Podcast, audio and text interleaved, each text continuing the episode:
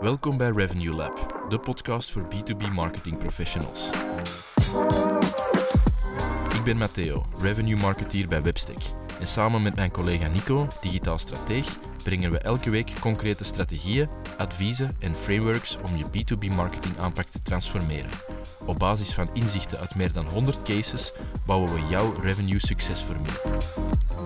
Welkom in ons labo. Oké Nico, leuk dat we hier weer zijn voor een eh, nieuwe aflevering van eh, Revenue Lab. Alles in orde nog altijd? Zeker en vast, Matteo. Ehm, we hebben vandaag wel dezelfde kleuren aan. Ja, Voor degenen die kijken. dat moet kunnen, hè? ik hoop dat dat niet uit botst vandaag. Ja, Nee, nee, inderdaad. Maar een beetje roos, is niet verkeerd. Dat is niet verkeerd. Eh, we hebben een leuke vraag meegekregen. Als we die hier intern opwierpen, dan uh, zei heel veel van de collega's, ah, dat hoor ik ook wel vaak. Dus ik denk Mhm. dat we eh, misschien wel een goede hebben voor vandaag eens eh, neer te leggen. Eh, die vraag kwam van Sarah, die op de marketing bij een projectontwikkelaar werkt. En zij vroeg aan u, was het zelfs, AB-testen, is dat eigenlijk wel interessant? Ehm, Voor ons. voor ons, Ja, inderdaad. ja. Ehm, er zijn heel wat vervolgstappen die er nog bij horen, vervolgvragen die er nog bij komen. Maar ja, ik hoor dat persoonlijk ook wel vaker van we moeten eens iets gaan testen of we moeten gaan proberen.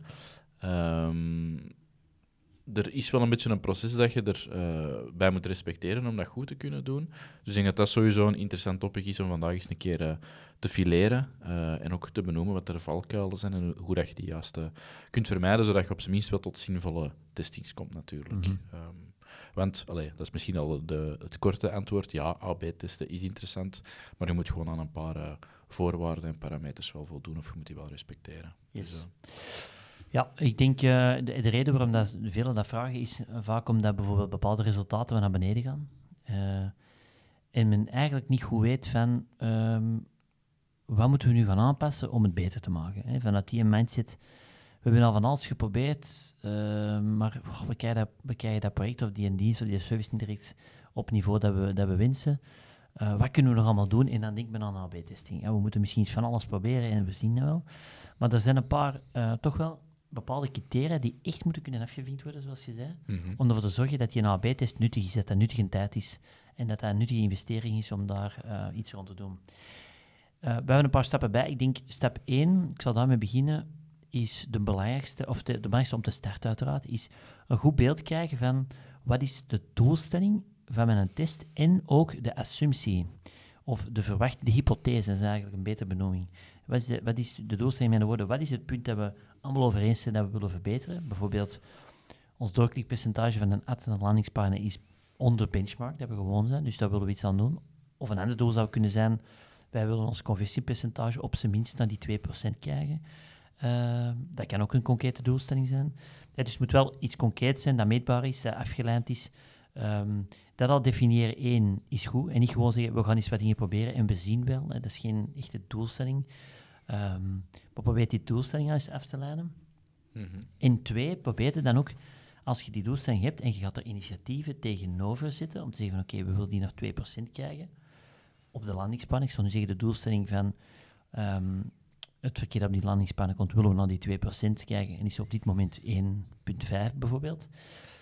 Um, ga dan ook duidelijk afleiden van wat is de hypothese van de aanpassing die we doen. Bijvoorbeeld door deze vijf beelden aan te passen, of nee, door, sorry, dat is een slecht voorbeeld, door deze specifiek beeld aan te passen, verwachten wij dat de conversiepercentage met 0,2, 0,3 kan stijgen. Dat is onze hypothese. Um, en benoem dat ook vanaf de start. Dus de, ik vind het ook wel belangrijk dat er een soort verwachtingen of zo vanaf het begin wordt gezet van door deze aanpassing te doen, denken we dat dat een impact zou kunnen zijn. Um, zodoende dat je ook wel een beeld hebt samen van oké, okay, als we dat voor elke mogelijke aanpassing zouden doen op voorhand, dan kunnen we al wat prioritiseren in functie van een impact dat we denken te gaan maken. Ja, want testen is zo vaak, allee, dat is een beetje hetzelfde als het woord optimaliseren. Mhm. Mm -hmm. Je kunt van alles doen, um, maar je moet wel concreet ergens naartoe werken en, en, en, en duidelijk weten wat de bedoeling is. Want anders uh, ja, dan kun je 100 testen doen en dan zet je geen stap vooruit. En dat is, dat is geen dat je wilt vermijden natuurlijk. Je wilt gericht naar een bepaald doel uh, toewerken. Ja. Je kunt daar dan assumpties en hypotheses rond formuleren. Uh, maar als je die stappen overslaagt, ja, dan kan het zijn dat je team van vier marketeers gewoon van alles naast elkaar aan het testen is en dat je er totaal niet beter van wordt. En dat dwingt je ook om over elk idee af te toetsen van oké, okay, denken we dat dat ook impact kan hebben op die doelstelling? Eén. En twee, wat is de impact dat we denken dat dat zou kunnen maken? Dat ga je ook gemakkelijker leren de prioriteiten te kiezen. Of de prioriteit nummer één te kiezen en dan een top drie bijvoorbeeld te gaan bepalen. Ja, en dat kan een lijstje zijn. Het is niet Ja. dat bij één een test moet blijven, maar dat je een logische volgorde eh, van tests Ja. eh, gaat formuleren. Ja. Gewoon, die op de doelstelling, eh, op de impact afgewogen zijn. Dus dat is sowieso, denk ik, ehm, eerste stap. Ehm, tweede stap, segmentatie misschien. Ehm, dus stel dat je zegt van, we hebben een testcase eh, bepaald. Eh, we gaan dat specifiek beeld aanpassen op die specifieke landingspagina met die verwachting, oké. Ehm, staat er ook even stil bij het segment en de targeting, want Stel dat je zegt, bijvoorbeeld in het voorbeeld van de projectontwikkelaar, Mhm. we gaan ehm, een bepaald beeld aanpassen zodat het project eh, meer of beter resoneert bij jonge gezinnen. En we gaan die beelden bijvoorbeeld, of het beeld wel aanpassen naar een jong gezin dat bijvoorbeeld eh in of rond die, eh, die ontwikkeling is. Dat kan goed zijn voor dat jong gezin, maar dat kan eh, oudere eh, eh, profielen bijvoorbeeld afschrikken. Dus omschrijf dat ook voor welke, die, die aanpassing die we nu gaan doen, voor welk segment zou dat een significante eh, verbetering moeten zijn. En stel je targeting er ook op bij, dat je dus effectief op die, eh 50% ehm, van de jonge gezinnen naar versie A stuurt en 50% van de jonge gezinnen naar versie B. En dat je niet al je segmenten eh, lanceert naar die landingspagina, want dan kun je nog niks zeggen. Als op dat moment toevallig er een iets ouder publiek op die landingspagina zit, ja, dan is uw test eigenlijk waardeloos, want dan klopt dat niet meer met de assumptie eh, die je, of de hypothese die je had gesteld. Dus dat is wel een dan, belangrijke. dan Uw vertekent het alles. Ja, ja, uw inderdaad. targeting moet echt wel wat afgestemd zijn op de AB-test.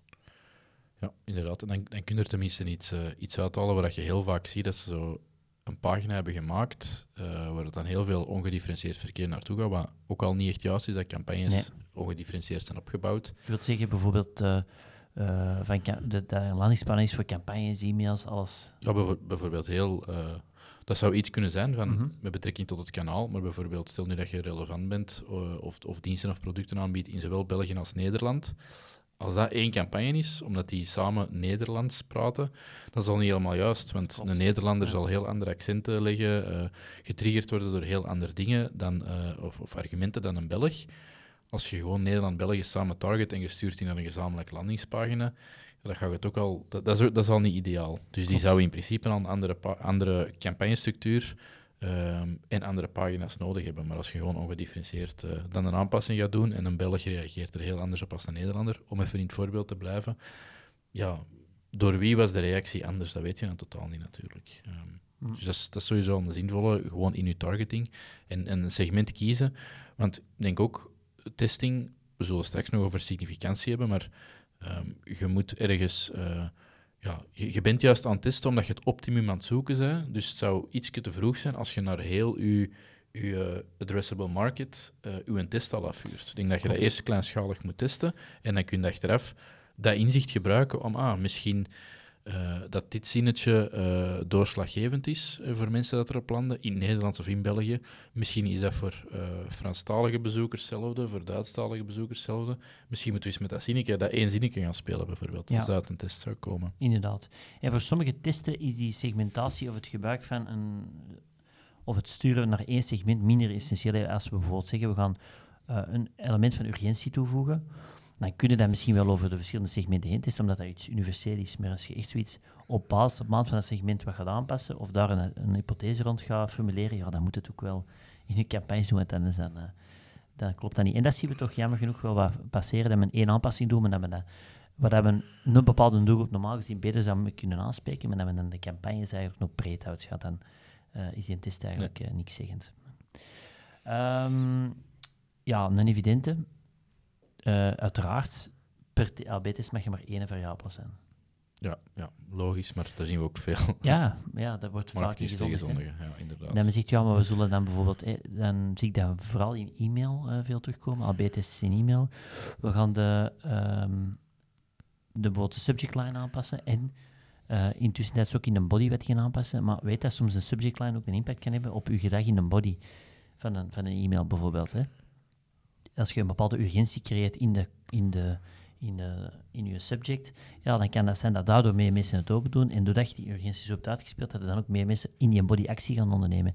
En dan kun je de vraag stellen, was het nu door de subject line zo duidelijk te maken of door de body aanpassing? Dus probeer echt, uh, probeer echt u steeds in te houden en te beperken. We gaan één variabele aanpassen en we gaan daar op basis daarvan die uh, hypothese maken. En op basis van de outcome uh, kunnen we dan zeggen of dat die hypothese effectief klopt of niet klopt. Ja, want twee totaal verschillende mails naast elkaar, dat is geen uh, AB-test natuurlijk. Nee, nee, voilà. En, en, vanaf dat je meer variabelen begint mee te pakken, ja, dan kan het effectief zijn dat er dus een effect is van variabele B, waar je eigenlijk misschien intuïtief denkt dat dat alleen maar variabele A is die er een impact op kan hebben.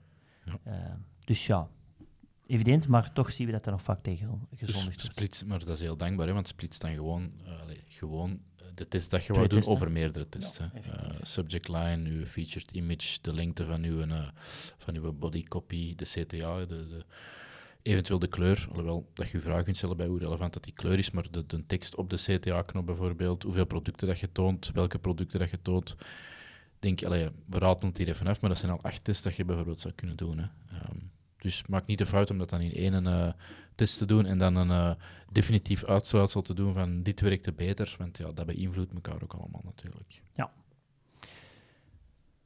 Um, nog een puntje. Wat ah, ik ook nog... Steekproefgrote? Nu, dat kan ook. Steekproefgrote, ja. ja. Nee, wat ik aan het denken was, uh, was ook met van die tests, om daar een beetje op dat vorige punt ja. te blijven, is dat, um, dat veel mensen denken dat ja, voor, de, voor nu van 1,5% naar 2% te gaan, mm -hmm. een redelijk grote sprong, moeten wij supergrote wijzigingen doen of moeten we echt de drastische dingen gaan testen? Je wilt zeggen, uh, veel veranderen. Ja, ja, ja dan moet ja. het echt drastisch anders. Uh, terwijl, dat is misschien ook nog een goede om mee te pakken, dat het kan soms in de heel kleine dingen zitten. Het is misschien één, één woordje op een CTA dat meer impact gaat hebben dan heel de bodycopier schrijven. Uh, dus je moet het niet per se alleen maar die grote in alleen maar die grote Big Bang uh, AB-tests uh, bekijken.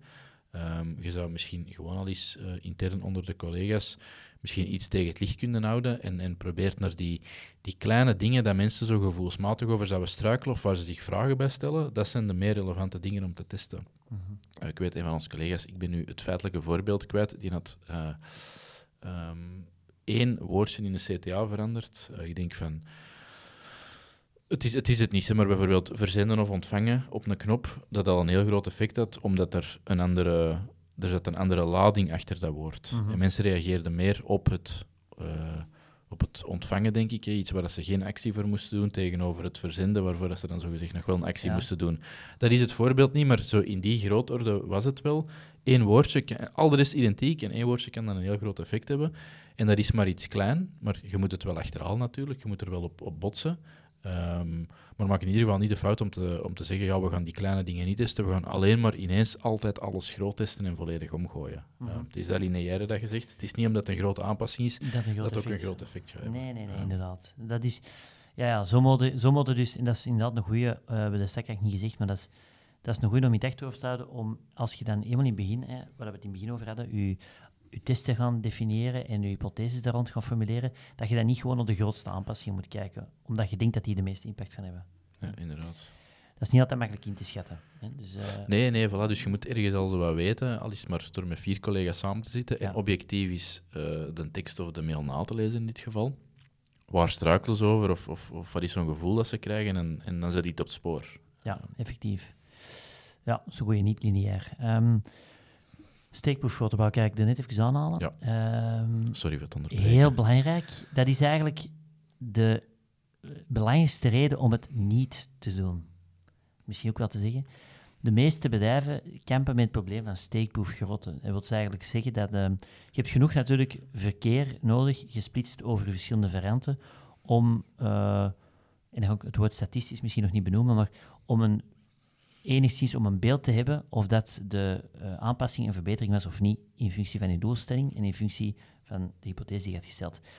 We zien vaak dat er te veel AB-tests lopen, omdat men denkt, we gaan eens proberen, naar een eh, grootte van doelgroep van 100, 500 eh, profielen of bezoekers, traffic of e-mailkliks vanuit een e-mail, dat dan resulteert in 500, dat dan eens wordt opgesplitst in twee of drie varianten.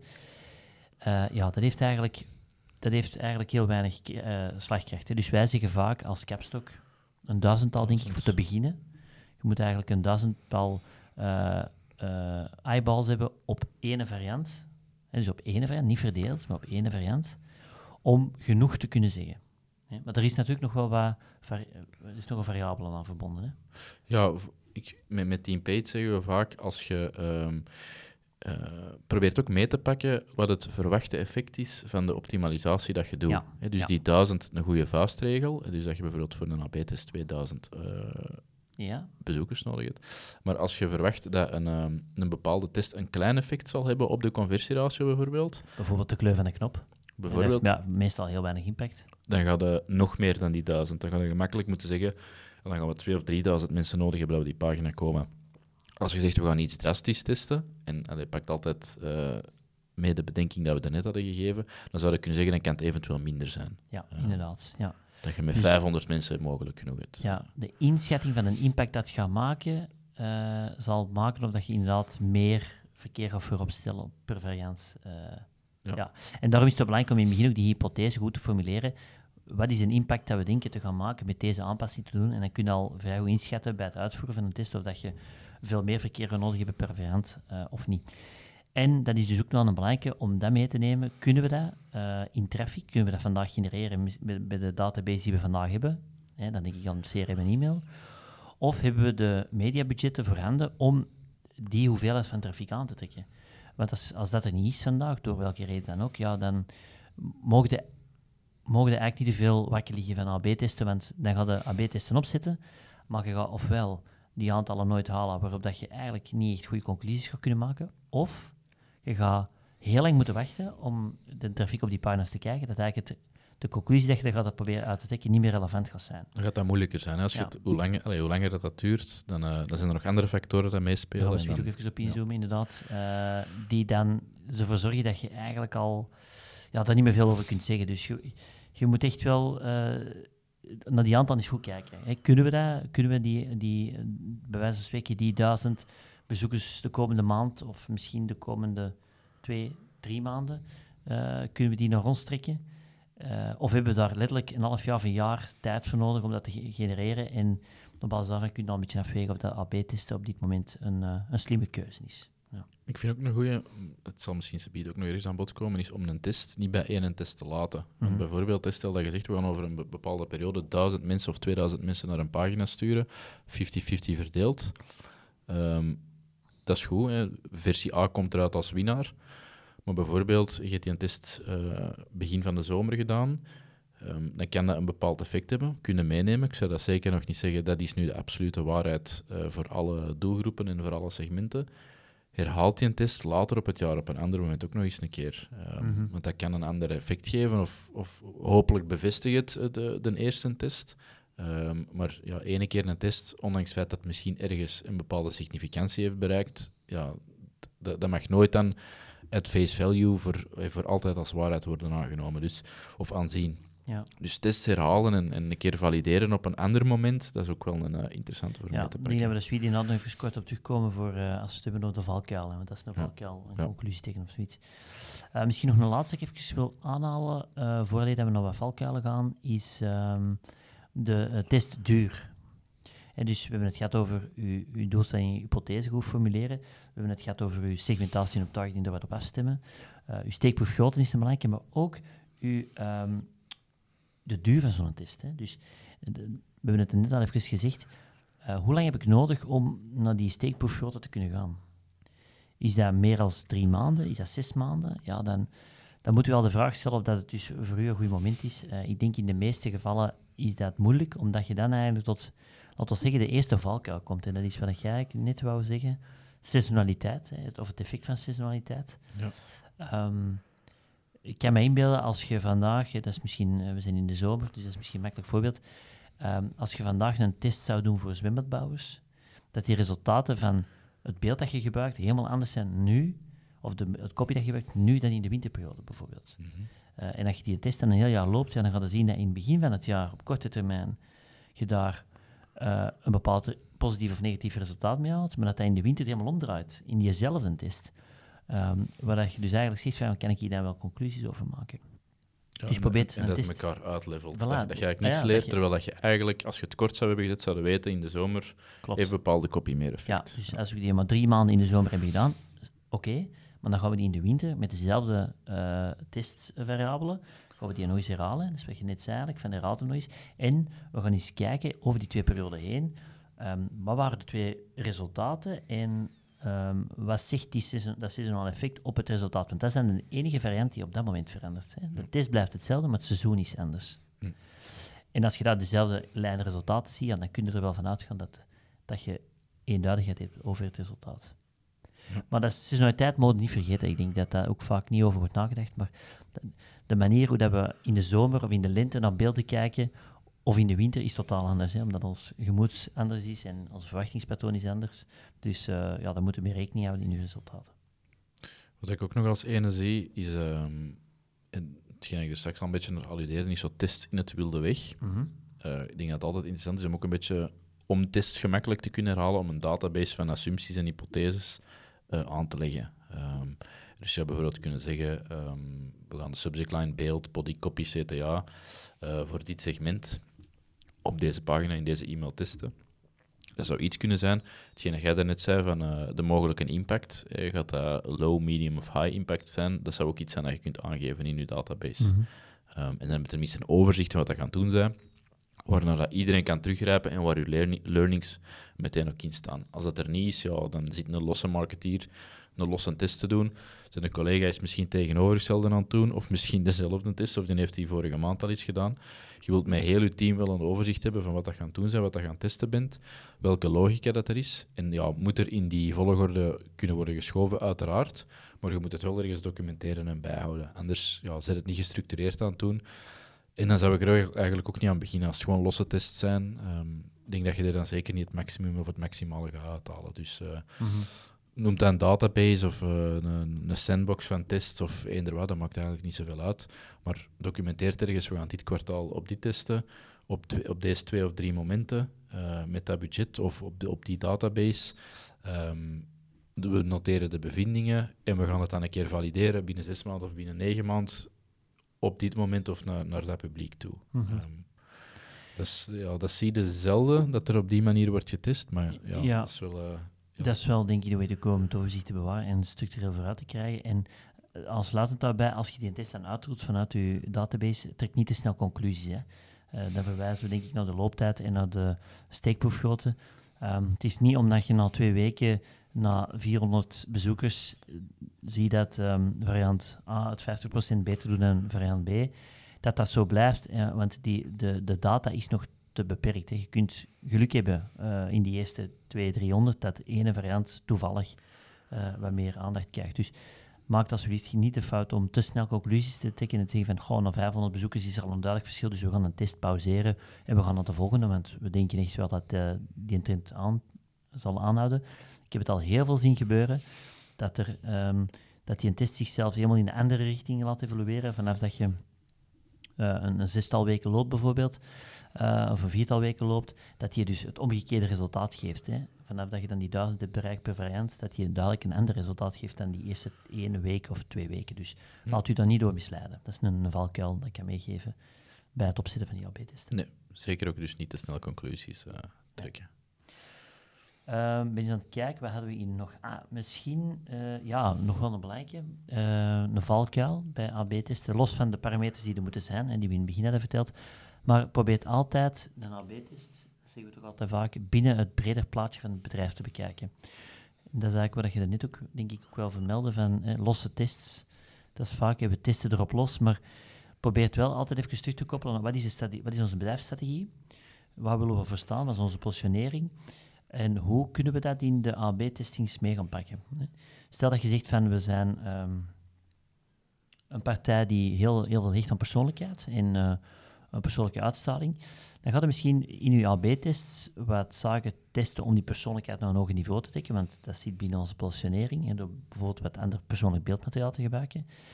Ehm, maar dan is dat wel afgetoetst tegenover de marketingstrategie, één. En twee, dat is tegenover marketingstrategie aan zich, maar probeer u niet te, mm, ja, te laten misleiden op puur die ene parameter. Zijn de conversiepercentage bijvoorbeeld, als dat het enige is waarop dat je, dat je gaat optimaliseren, je gaat dan niet in de valkuil trappen om bijvoorbeeld content op die pagina's toe te voegen om mensen sneller te laten converteren, maar achteraf eh, de feedback te krijgen van het sales team dat die kwaliteit te laag is, omdat je eigenlijk mensen wel hebt ehm, een spiegel hebt voorgehouden, of in ieder geval toch het proberen mee te nemen in een verhaal dat eigenlijk achteraf wat misleidend was. Hè. Dus je, je komt soms op de rand van misleidende tactieken, waarop dat het bedrijf hè, aan zich niks mee, mee is. Hè. Dus dat draagt niet bij tot de bedrijfsdoelstellingen. Dus probeer dat ook wel even te toetsen. Toetsen, past deze tactiek of deze test binnen onze marketingstrategie, onze bedrijfsstrategie. Ja, want je gaat heel vaak, eh ja, begin maar te googlen of te zoeken, je gaat heel vaak anekdotes of anekdotische tests vinden die dat je zelf misschien wilt herhalen, maar volledig terecht. En misschien ook het belangrijkste, als dat niet strookt met wie je bent of je kunt dat niet waarmaken, Voilà. ja, dan heeft dat geen zin om die een test te implementeren of die belofte te doen. Ehm, Ja, ja, Sowieso. dus, dus- Laten we niet vangen in dat, dat, dat, dat hamsterwiel van, eh, van ja, gewoon dingen beloven of eh, een, een tweak te doen. Om een tweak te doen, het, moet nog altijd wel matchen met wie dat je bent als organisatie en hoe dat uw salesstructuur is eh, en hoe dat je offering in elkaar zit. Dus eh, ja, die afweging moet altijd wel worden gemaakt. eh. Ja, of zo'n typisch voorbeeldje, dat zie je wel vaak passeren, dat je zegt van, ah, in, dat in, een, in een AB-test gaan we bijvoorbeeld op een landingspagina ehm, rond dat formulier vermelden dat we bijvoorbeeld binnen de, binnen de 24 uur een op maalt offerte toesturen, maar dat dan in de realiteit eh, het salesteam zegt, ja nee, we gaan dat zo zeggen, dan hebben ze het gevoel dat ze iets gaan krijgen, maar we gaan ze eigenlijk gewoon bellen de dag daarna. En dan krijgen we de feedback, ja, mensen nemen niet op, mensen ehm, willen eigenlijk niet verder meewerken, omdat ze gewoon de verwachting hadden iets te ontvangen en niet direct openstaan om al een heel salesgesprek te hebben. Dus eigenlijk, als je die een test zou voorstellen en je weet dat je het anders gaat doen, dan draagt die een test niet bij tot ehm, ja, de bedrijf, hoe dat bedrijf werkt en hoe dat bedrijf vandaag ermee aan de slag gaat. En dan haalt het bedrijf er ook geen win bij. Hè? Eh, je weet alleen dat het, het transparant zijn in je prijszetting eh, een beter percent, een beter, meer mensen overtuigt om eh je gegevens na te laten. Maar in die end hebben je een extra, eh, extra business genomen dat we er eigenlijk achteraf niet, Ja. niet op die manier mee aan de slag gaan. Heel goed voorbeeld, denk Ja. ik ook. Ja. Komt veel voor. dus ja, heel aandachtig voor zijn. Ehm, ik denk dat, ja, en het lineaire, dat hebben we elkaar benoemd. Dat was ook wel een belangrijke valkuil. AB-test als iets lineair bekijken. Grote aanpassingen, grote impact, kleine aanpassingen, kleine impact. Is zeker en vast niet, niet het geval. Hè? Nee, moet inderdaad eh, een beetje van afstappen en, en zoeken naar die... Da, daar zit het hem in, daar draait het eigenlijk om. Hè. Die, die, die kleine dingen zoeken die het verschil gaan maken. Ehm, gewoon een, een volledige redesign doen. Als dat op niks gebaseerd is, denk je dat je daar waarschijnlijk minder uithaalt dan zo één strategisch eh, Mhm. goed gekozen woord of een goed gekozen visual. Dat, eh, dat anders is of dat beter is dan de situatie ervoor. Eh, maar ja, dat leeft toch ook nog ergens wel, om de een of andere reden. Dat is zeker waar. Oké. Goed. ehm, ik denk dat dat de belangrijkste punten waren voor vandaag, zeker. Die we toch eens even wouden eh, aftoetsen ehm, voor de vraag van Sarah. In ieder geval, ik denk dat het belangrijkste om mee te pakken is... Ik, we zullen niet alle puntjes ook vandaag overlopen, maar ik denk het belangrijkste punt dat je u moet... Of in je achterhoofd moet houden, is... Is AB-testen relevant? Ja, maar denk echt eens na over die steekproefgrootte. Eén, want Velen beginnen eraan, maar merken dan dat ze te weinig traffic hebben en eigenlijk dus geen conclusies kunnen trekken. Dus als je dat op voorhand al kunt eh, inschatten, eh, kunnen we aan die aantallen geraken op eh, iets kortere termijn. Dat is al denk ik de eerste qualifier om te zeggen, we gaan ermee verder of we gaan er niet mee verder. En dan zeker de stappen doorlopen die we, die we even hebben aangehaald. En ook zeker over die valkuilen nadenken, dat je, daar, dat je die onmiddellijk kunt vermijden. En om ervoor te zorgen dat je de maximale conclusies kunt trekken uit de individuele testen die je op verschillende momenten in het jaar ongetwijfeld gaat doen. Voilà. Moesten er mensen zijn die daarmee willen beginnen, of die daar ehm, over bepaalde aspecten vragen rond hebben, eh, dan kan je altijd naar ons sturen via LinkedIn. eh, rechtstreeks, en dan proberen we daar rechtstreeks op terug te komen, of eh, maken we er een nieuwe aflevering van. Of indien niet, eh, kan het altijd via websteek.be slash vraag, en dan komen wij ook even persoonlijk op jou terug. Eh, of maken we daar inderdaad ook een nieuwe aflevering van. En in- indien er geen vragen zijn, horen we jullie heel graag, of zien we jullie heel graag terug tijdens onze volgende Revenue Lab. Tot dan. Merci dat je erbij was voor deze aflevering van Revenue Lab. Vergeet je zeker niet te abonneren om geen enkele aflevering te missen. Heb je een specifieke vraag voor ons? Dan mag je dit altijd inzetten via webstick.be vraag. Wil je exclusief toegang krijgen tot onze frameworks, playbooks en Only events? Meld je dan aan via webstick.be lab. Tot volgende week.